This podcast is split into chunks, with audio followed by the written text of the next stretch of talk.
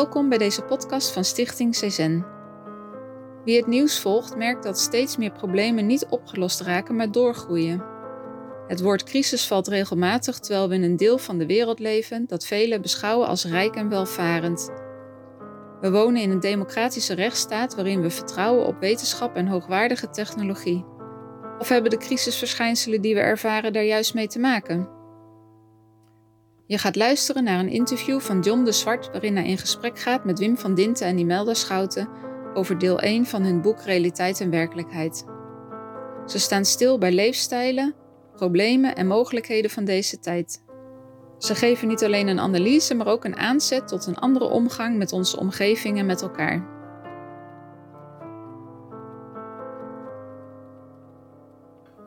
Dadelijk beginnen we de titel van het boek. Waar komt die vandaan? Ja, realiteit en werkelijkheid. Uh, mensen zeggen dan vaak van, het is toch twee keer hetzelfde? Uh, of misschien niet. Dan hoor je al ergens zo'n vraag komen. Wij gebruiken het echt als twee verschillende begrippen. Realiteit gebruiken wij voor de wereld waar wij met elkaar deel van uitmaken. Waarin we van alles zien gebeuren, van alles meemaken. En de wereld waarin leven zich ontwikkelt. Leven ontstaat, groeit. In de natuur, wij maken deel uit van de natuur, realiteit. En werkelijkheid gebruiken wij voor alles wat wij in, ons, in onze hoofden kunnen bedenken en ons kunnen voorstellen. Uh, en we op een gegeven moment ook kunnen maken, kunnen realiseren, toevoegen aan de realiteit. Dan kun je denken aan van alles, van uh, de kleding die we aan hebben, tot uh, deze tafel, tot camera, infrastructuur, computers. Dat noemen wij allemaal vormen van werkelijkheden. Dus die er in de realiteit eerst niet waren, maar die wij als mensen hebben kunnen bedenken en aan de realiteit hebben toegevoegd. Maar, maar, maar het is ook, die werkelijkheid staat ook voor methode. Dus als je in, in, in, in het boek, maar voor onze klassieker, gebruiken we een verhaal over Mesa Verde. Dat is een heel mooi uh, national park in de Verenigde Staten. Dat zijn grotten waarin indianen leefden en rondom uh, allemaal groen. En toen ik er was, dat was in de 90 jaren, toen was er een enorme brand geweest. En er was een indiaan in dat inlichtingscentrum en ik vroeg hem toen uh, wat nou de betekenis was van het feit dat er zoveel fuel was voor het vuur. Wat, wat, wat moest ik me daarbij voorstellen? En hij vertelde dat er allemaal hout uh, had gelegen. En uh, dat de hout, dat was juist ontstaan in de loop van de tijd, omdat de brandweer was gaan blussen. Terwijl vroeger, waarin Mesa Verde ontstond als national park, dat hout ging in de fik. En dan ontstonden open plekken in dat bos. En daar groeide dan laag nieuw groen in. En je kreeg dus een, soort piramide van voedsel voor beesten, maar ook in, in de manier waarop het groen zich ontwikkelde. En door het één element eruit te nemen, uh, vuur, en daar je, je logica op los te laten, vuur mag niet, want dan strijden ermee. En dat dan te bestrijden, bleef er hout liggen, wat uiteindelijk leidt tot een enorme brand, waardoor het bos echt naar de sodomieten gaat. En, en dat is daarna alleen maar erger geworden. En het punt is, wat je dan ziet, is dat een verschijnsel, het vuur, niet gezien wordt als een uh, ja, dat noemen de filosofen metaphysics of presence. Dus het verschijnsel vuur is ontstaan en een afbeelding van alle invloeden die er zijn ontstaan. En heeft zelfs ook een invloed in die hele omgeving. Maar wordt in die logica eruit gehaald. Dus die metaphysics wordt vergeten. De, al die wisselwerkingen, invloeden, Fuji. Alleen dat ene ding en dan laat je dan je mechanistische logica op los. En dat beeld dat je dat doet, Heidegger en Derrida hebben dat beeld geschetst als de metaphysics of presence en logocentrisme is het kernprobleem van deze tijd. En dat is de mens eigenlijk? Eigenlijk van de mens. Van de mens beschikt over die rationaliteit. En als je dat dus ziet eenmaal, en je gaat uit van een verschijnsel in de context waarin het is ontstaan en dat het iets zegt over die context, moet je schuw worden om een verschijnsel wat je opvalt eruit te lichten en daar je logica op los te laten. Want dan, dan weet je, ik weet niet wat ik aanricht. Nou, dat doen we natuurlijk op een andere manier ook met een doel stellen. Uit allerlei mogelijkheden stellen we een doel en laten daar onze logica op los. Zeker in die maakbaarheidstijd van tegenwoordig. Dus dan komt er iemand, ik heb iets bedacht, boem. En dan gaan we gelijk maken en dan tijden erbij en geld erbij. En dat is een werkelijkheid. En, en dat is. Ja. Dus, dus dat steeds die metaphysics of presence en logocentrisme, het negeren van hoe iets ontstaan is, alle invloeden, en daar je logica op loslaten, dat is de methodologie die kenmerkend is voor de westerse wereld en ons geweldig in de weg is gaan zitten. Metaphysics of presence, dat, dat is toch nog steeds een heel moeilijk begrip. Wat zit daaronder? Ja, wat daaronder zit is dat je iets opvalt, maar dat iets hangt altijd samen met allerlei invloeden en een omgeving waarin het ontstaan is. En bij Metaphysics of Presence ben je alleen maar bezig met het verschijnsel, maar daar zit natuurlijk een hele ontstaansgeschiedenis en allerlei invloeden hangen daarmee samen. En dan kom je bij wat wij vormen van betekenisgeving noemen. Dus dat je herkent hoe een verschijnsel in wisselwerking met zijn omgeving ontstaat. En daarin kun je op een gegeven moment herkennen dat er patronen in ontstaan. En bij mensen kun je dat bijvoorbeeld heel goed zien.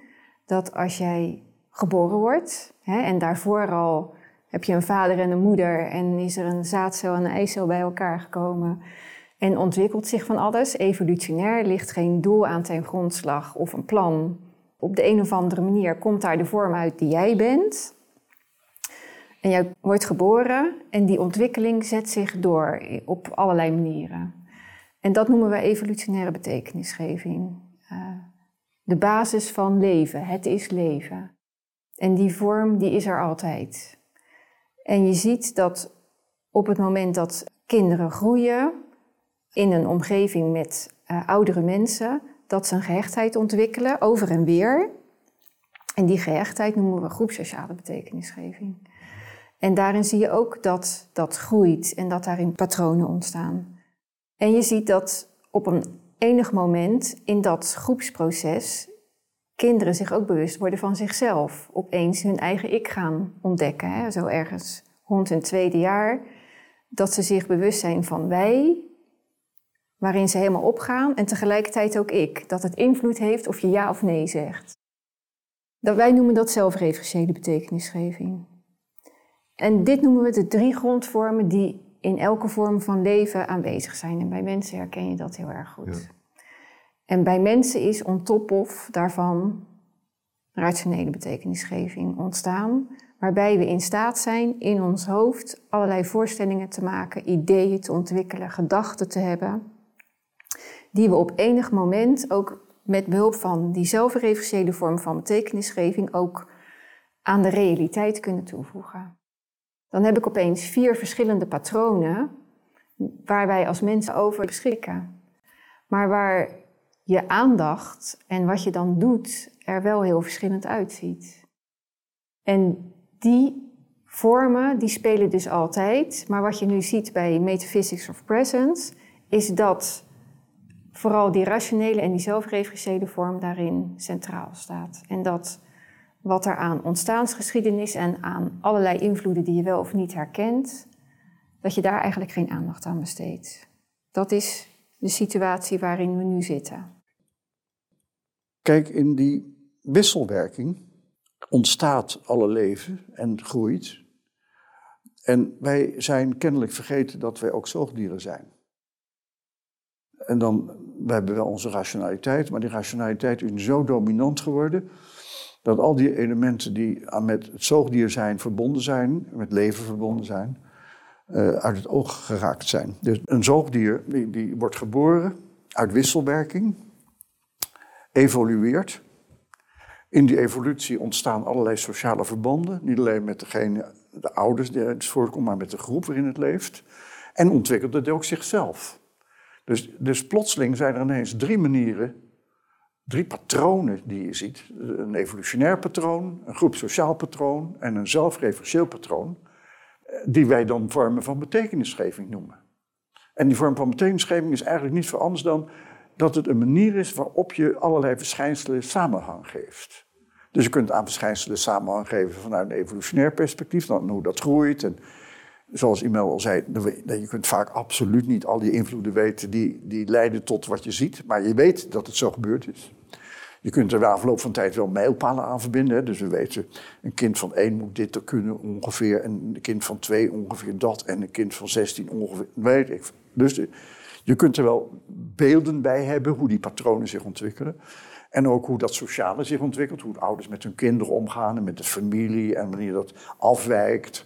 En patronen in, in de zin van zelfreferentialiteit. Wanneer iemand in staat is vanuit zichzelf betekenis te geven. Dus psychologen zeggen dat als een kind 2,5 is, dat het kind dan in staat is om zijn eigen identiteit al te beleven en daarnaar te handelen. En, en je voelt wel dat als je die vormen van betekenisgeving hebt, die zijn niet rationeel. Je kijkt maar naar de dierenwereld, naar zoogdieren, laat ik die maar even nemen. En je, je ziet niet anders dan dit. En ook hoe ouders met kinderen omgaan op allerlei verschillende manieren. En hoe planten groeien en hoe bomen groeien. En kortom, die drie patronen, die drie vormen van betekenisgeving, evolutionair, groepsociaal, zelfreferentieel, die noemen we dan ook de grondvormen van betekenisgeving. En ontstaan in wisselwerking. En we zeggen dan ook, dat is wel heel belangrijk, dat in die wisselwerking de potentie tot evolutie huist. Dat is nogal wat natuurlijk, want als je, als je in het verleden kijkt bij de Grieken, en Aristoteles, die zei dan, ja, het feit dat alles maar beweegt, dat is toch ongelooflijk, daar moet een kracht onder zitten dat dat maar blijft gaan. Ook hij noemde dat een goddelijke kracht. Maar wij hebben nu na de Tweede Wereldoorlog DNA ontdekt en de wisselwerking ontdekt. En dat DNA een logboek is en hoe dat een, beschrijft hoe een evolutie dan verlopen kan en hoe die zal verlopen als dat logboek wordt uitgelezen. En, en je ziet dat wij nu wel zover zijn dat we herkennen dat die goddelijke kracht niet een, niets anders is dan de potentie tot evolutie die uit wisselwerkingen ontstaat. En dan begrijp je natuurlijk ook dat op het moment dat je een christelijke religie hebt en alles aan God moet toekennen, dat dan die potentie tot evolutie verdonkere maand wordt. Want die zit dan in die goddelijke, uh, christelijke perspectief. Ik ben daar niet eens tegen, want veel mensen vinden dit te abstract. En die God die, uh, waar je dan overgeeft, als dat leidt tot het gewenste gedrag van respect voor de potentie tot evolutie, allemaal prima. Maar zo zit het wel in elkaar. En het is natuurlijk ook duidelijk dat wij als mens dan zo geëvolueerd zijn dat wij op enig moment zijn gaan beschikken over onze uh, rationaliteit. Nou, daar gaan we dan. Hè? In termen van werkelijkheden, waar je meldde mee begonnen. Ja. Die rationaliteit heeft als het ware die hele wisselwerkingen wat eruit ontstaan overvleugeld. Ja, en, dan kom je natuurlijk op jouw uh, punt uit dat we dat vooruitgang zijn gaan noemen. Ja. En uh, je kunt dat goed begrijpen, ook als je op Wim's verhaal voortbouwt dan hebben natuurlijk allerlei evoluties plaatsgevonden waarin die rationaliteit zich steeds verder uitgebreid heeft. Het zal ergens begonnen zijn met ehm, tekeningen op een muur en uh, speerpunten en berenvellen die gebruikt werden als uh, bescherming. Tot wat we nu hebben, onze mobieltjes, um, je huis, je auto. We kunnen naar de maan en nog veel verder. Dat zijn allemaal van die toevoegingen waarin mensen zijn gaan ervaren dat ze uit konden gaan van wat ze zelf belangrijk vonden en steeds minder afhankelijk zijn geworden van de natuur om hen heen. We leven in, in, werkelijkheden en we zien die realiteit niet meer. Nou, die is steeds verder weggegaan. Um, als je dat als metafoor zou willen bekijken, dan uh, kun je denken aan de God van Plato, een heel beroemd verhaal waarbij hij schetst dat er mensen in een grot naar de achterwand zitten te kijken. En uh, achter hen brandt een vuur. En zij zien op die achterwand alleen maar schaduwen voorbij komen. En uh, ze kunnen niet goed om zich heen kijken, maar ze weten wel dat ze met meerdere in die grot zitten. En ze kunnen praten over die schaduwen die ze zien. En dat is voor hen hun wereld. Maar stel nou, zegt Plato, dat een van die mensen die daar zitten, hij noemt ze gevangenen, dat een van die gevangenen losgelaten wordt. En die zal in eerste instantie moeite hebben om zich te gaan bewegen, want hij heeft al die tijd vastgezeten daar in die grot. En die gaat naar buiten en die moet wennen aan het sterke zonlicht. Maar op het moment dat hij daaraan gewend is en hij kan zich wat beter bewegen, dan gaat hij daar van alles meemaken. En komt in een hele andere wereld terecht, waarin hij een andere taal leert, eh, ervaringen opdoet. En op enig moment komt hij weer terug in die grot. En dan staat hij voor feit van hoe ga ik dit aan die mensen in die grot uitleggen. Hij heeft een hele andere taal ontwikkeld dan die mensen daar hebben. Uh, dingen meegemaakt voorbij die schaduwen, wat die anderen helemaal niet herkennen. Het kan zelfs zo heftig worden dat die mensen die in die grot gebleven zijn, van wat is dit voor een of andere gek? Zelfs een gevaarlijke gek geworden. Moeten we daar niet wat mee? En dat is wat je in die grot zie je het in het klein, maar dat is wat je op de een of andere manier dagelijks tussen mensen, maar ook op processen in de samenleving meemaakt. Dat als jij maar over een aantal van die vormen van betekenisgeving beschikt, en je komt mensen tegen die andere vormen van betekenisgeving ontwikkeld hebben, dan ontstaan daarin spanningen, ontstaan daarin uh, dingen die je niet uh, van elkaar herkent. Maar het wordt dus ook lastig om zelf nog te herkennen welke vormen je wel of niet tot je beschikking hebt. Ja.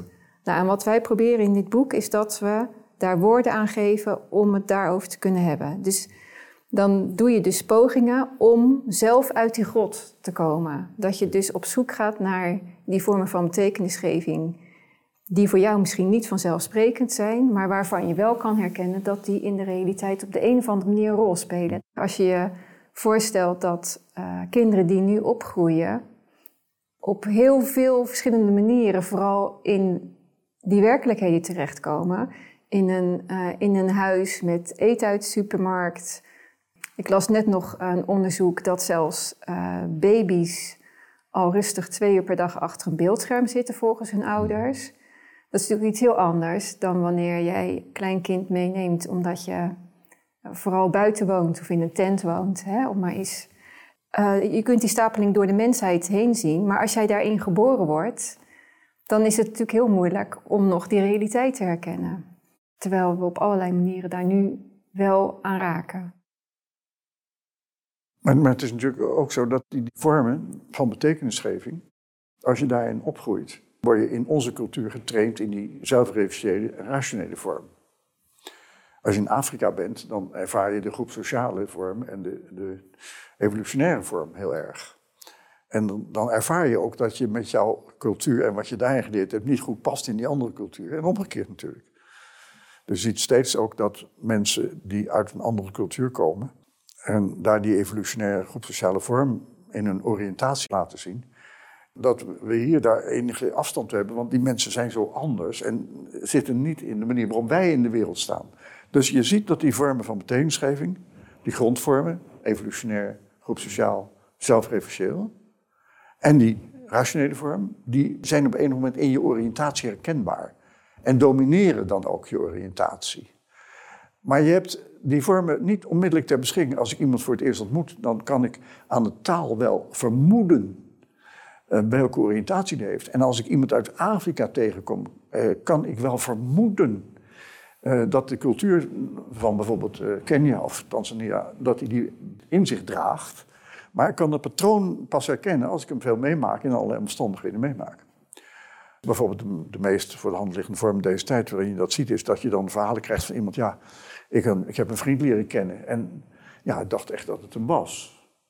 Maar na verloop van tijd begon me verschrikkelijk te irriteren dat hij, hij ging altijd van zichzelf uit. En als ik dacht, eh, hij gaat wel met me mee, nee, dan had hij toch weer een eigen agenda. En na verloop van tijd begon ik dat patroon zo hard tegen te komen. Dat bij alles wat ik gebeurde, ik niet meer eerst het verschijnsel zag waar het over ging, maar ik zag gelijk dat gedrag terug. En ik kon er dus niet meer tegen. En ik heb dus afscheid van hem genomen. Maar hij zei omgekeerd tegen mij dat hij zich ook aan mij ergerde. Dat ik te sociaal was en dat ik niet genoeg uitging van mezelf en dat hij er niet meer tegen kon. En dan zie je hoe die oriëntatievormen leiden tot een spanning die ertoe leidt dat mensen uit elkaar gaan. En die, die oriëntatieverschillen die, die zijn dus ook bijvoorbeeld heel hard als ik in een zorginstelling werk. En de directie doet het zodanig dat ik een systeem moet volgen met regels en voorschriften. Waardoor ik niet bezig kan zijn met diegene waar het om gaat. Dus ik kan niet de sociale betekenis als grondslag nemen, want ik moet het volgens dat rationele mechanisme doen en ik word er ook nog op afgerekend. Dan ervaar ik dat die zorginstelling niet goed is ingericht. En, en dat ik met mijn oriëntatie, die vooral sociaal en dan rationeel is, vastlopen op de manier waarop het georganiseerd is. En ik kan, ik kan er niet meer werken. Ik, ik wil wel wegwezen. Wat dan het interessante is, wat wij in de afgelopen jaren gemerkt hebben, is ieders oriëntatie verschilt allemaal van elkaar. Uh, je ervaart de realiteit op een andere manier. Maar tegelijkertijd, door deze woorden van betekenisgeving aan te geven, kunnen we wel elkaars patronen uh, beschrijven en herkennen in de praktijk. En dan kun je het dus over die patronen hebben. Dat is aan de ene kant persoonlijk en tegelijkertijd niet meer persoonlijk, want dan kunnen we het delen. En dat is het aangename daarvan. Vooral in deze tijd waar mensen zoveel van zichzelf uitgaan, van het interesseert me niet hoe jij naar de wereld kijkt, want ik doe dat op een bepaalde manier en als ik geen last heb van je, is dat prima. Dan raak je nu opeens met die woorden in staat om de vormen te beschrijven, maar ook naar vormen te zoeken die dan beter of slechter passen in een situatie. Want dat is natuurlijk waar we nu in terechtkomen. Wat is een voorbeeld ervan? Eh, Wim had het over vormen in de zorg. Wat je in de zorg veel tegenkomt, is dat zorg toch eigenlijk in de grondvorm gaat over dat iemand niet meer zelfstandig of iets niet zelf kan en daarin hulp van een ander nodig heeft. Uh, je bent ziek of uh, je hebt een of andere beperking en met hulp van een ander kun je dan wel weer verder door het leven of je, of je geneest.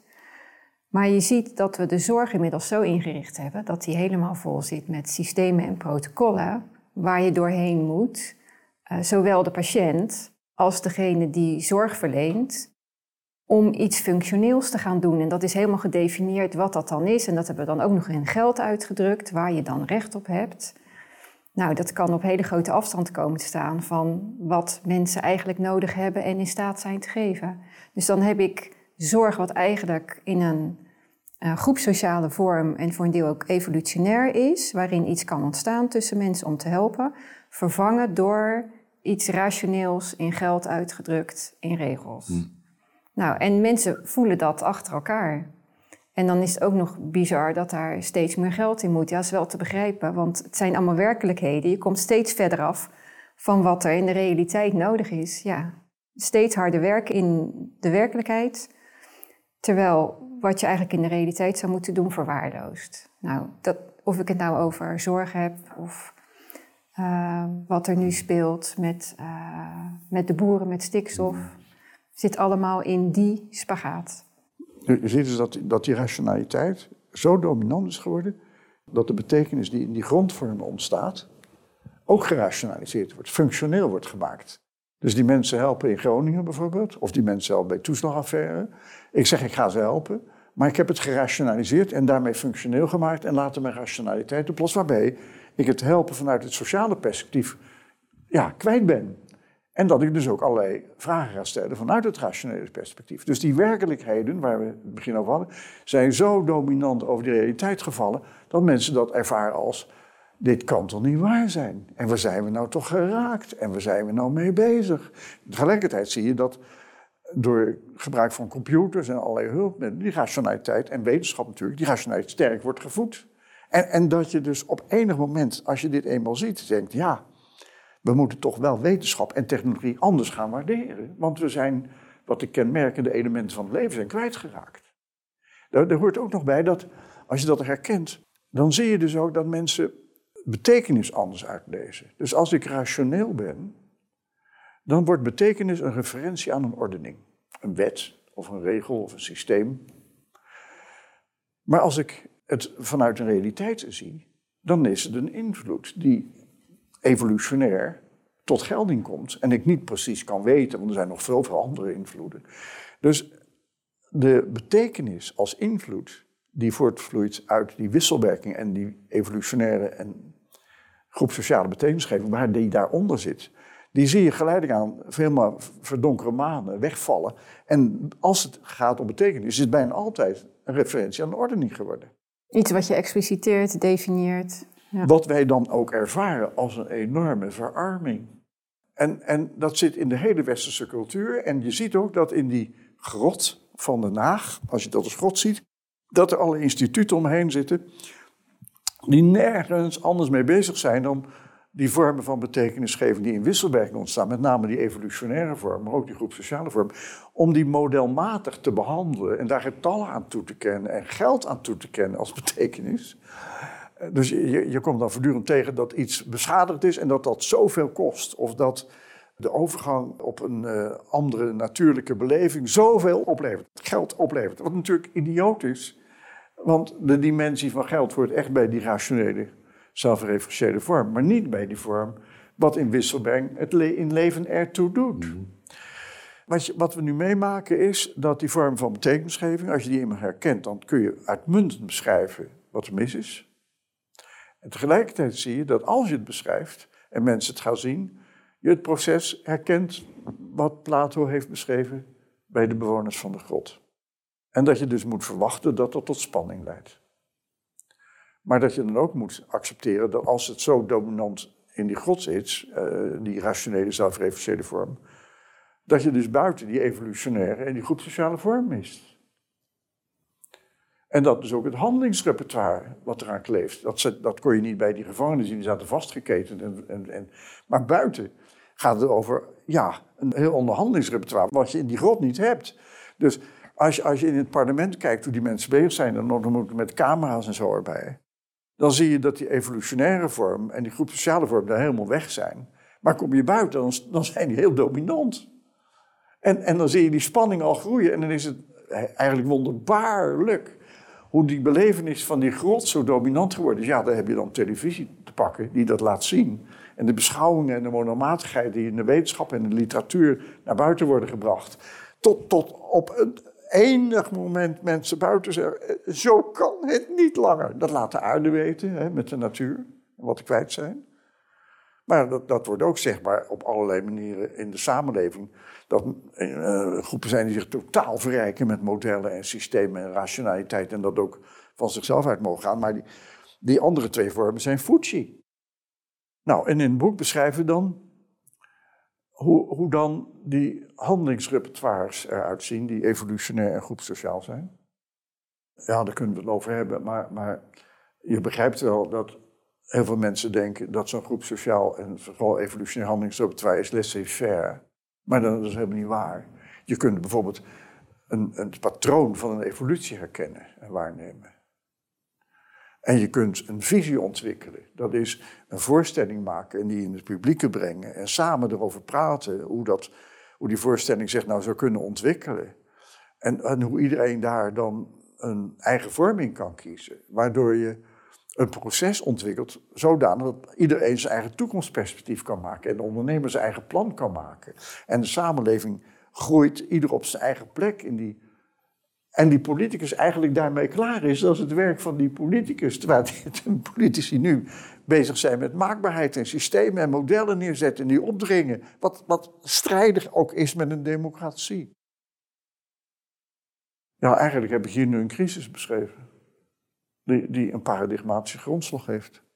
Ja, en die crisis zie je ook nog op een andere manier terug. Dat, uh, je hebt het nu over evolutionaire betekenisgeving, maar als je kijkt naar uh, mensen bij wie groepsociale betekenisgeving in hun gedrag tot uitdrukking komt, dan zie je dat voor hen heel vanzelfsprekend is dat je van alles samen doet en dat ze zich ook deel van een groter geheel ervaren.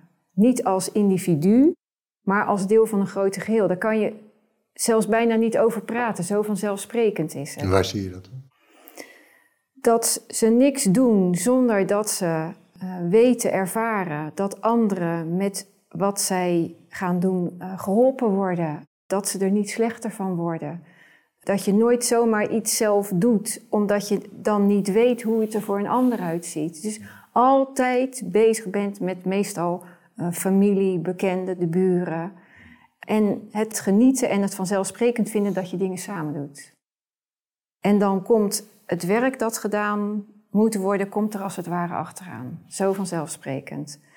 En dat we nu eigenlijk in een tijd leven waarbij die rationele en die zelfreferentiële vorm zo ver zijn doorgeschoten, dat we die vorm zijn gaan afwaarderen uh, als negatief uh, neerzetten. Want dan krijg je bijvoorbeeld dat dat mensen zijn die niet meer in staat zijn van zichzelf uit te gaan, niet assertief genoeg zijn. En wat je ook meemaakt is dat al die vormen van betekenisgeving, wat wij dan noemen, achter de rationaliteitswicht terechtkomen. Dus je kunt er wel rationeel over praten, maar daarmee heb je die evolutionaire en die groepsociale en die zelfreferentiële vorm nog niet in je gedrag. En een van de crises in deze tijd, of onderdeel van de crisis in deze tijd is, dat dat wel op de een of andere manier gevoeld en herkend wordt, maar dat de manier waarop het elke keer aangepakt wordt, dan rationeel zelfreferentieel is. Dan komt eerst een definitie van het probleem, dan komt er een plan, dat wordt dan in geld uitgedrukt en dan komen acties die dan iemand uit moet gaan voeren. Maar groepsociale en uh, evolutionaire betekenisgeving, die komen juist tot klinken in alle specifieke, unieke situaties waarin mensen met elkaar in hun omgeving bezig zijn. Een probleem oplossen. Wat dan ook, ja. Nou ja, dat, dat, je ziet nu natuurlijk wel dat die rationele, zelfreferentiële vorm zo dominant geworden is, dat kinderen daarmee worden opgevoed en ook door die technologie daar ook nog eens in worden bevestigd. En dat ze um, ja, eigenlijk het resultaat wat ze bereiken is hun resultaat. En het falen is hun falen. En dat ze zowel bang zijn voor dat falen als het, onvermogen om een resultaat zomaar even te halen. Dus je, je ziet ook als je naar de televisie kijkt dat die rationaliteit en die zelfreferentialiteit, vooral die zelfreferentialiteit, dominant aan tafel zit. En dat in combinatie met die rationaliteit het probleem dus steeds meer is geworden dat wat je met je gezond verstand mist en zegt hoe kan dat nou, dat dat uit die werkelijkheidsdefinities, uit die grot gehaald moet worden, dat je naar buiten moet gaan kijken. En dat je dat wilt herstellen en dat je die mensen wilt meenemen naar buiten, waarbij je dus weet dat je heel veel van die mensen niet mee zult krijgen. En dat de spanning ook op zal lopen. Uh, wat je dus ook nu ziet. Of ik nou kijk naar de brexit, of in ons land, of naar Frankrijk, in de hele westerse wereld zie je overal de spanning oplopen tussen de groep die helemaal uitgaat van die werkelijkheden en mensen die zeggen, we missen nu wat er echt in de realiteit toe doet en dat moet worden hersteld. En je ziet die spanning die in die grot zat, zie je op allerlei manieren nu tot zijn recht komen. Um, nou, als je door de tijd heen kijkt, dan zie je dat um, de groei van de problemen met het milieu en de groei van de wereldbevolking en wat we aan grondstoffen gebruiken en hoe we het milieu vervuilen en onze footprint, dat die groeit met de toename van rationaliteit en zelfreferentialiteit. Dus je, je, ziet dat het echt een groot evolutionair proces is, wat gespiraliseerd is geraakt. Dat is de tijd waarin we nu zitten. En als je daar dus uit wilt komen, uh, hebben wij bedacht, besloten, onderzocht, nagegaan, hoe je het wilt noemen. Hoe zijn we nou in deze toestand geraakt? Want die vormen van betekenisgeving zijn van alle tijden. Dus we hebben een ontwikkeling doorgemaakt die heeft geleid tot de toestand die nu is ontstaan. Nou, daar daar, gaat dan dat deel 2 van dat boek over. En als je dat dus weet en de aangrijpingspunten herkent en de, de voedingsbodem daarvan herkent, dan komt daarna dus de vraag: hoe komen we dan daaruit weg? Waarbij we natuurlijk weten dat er altijd crisis zullen ontstaan, want dat zit in die God van Plato besloten. Maar waarin je dus ook een route naar een hoopvolle toekomst kunt herkennen. Nou, daar gaat het boek over.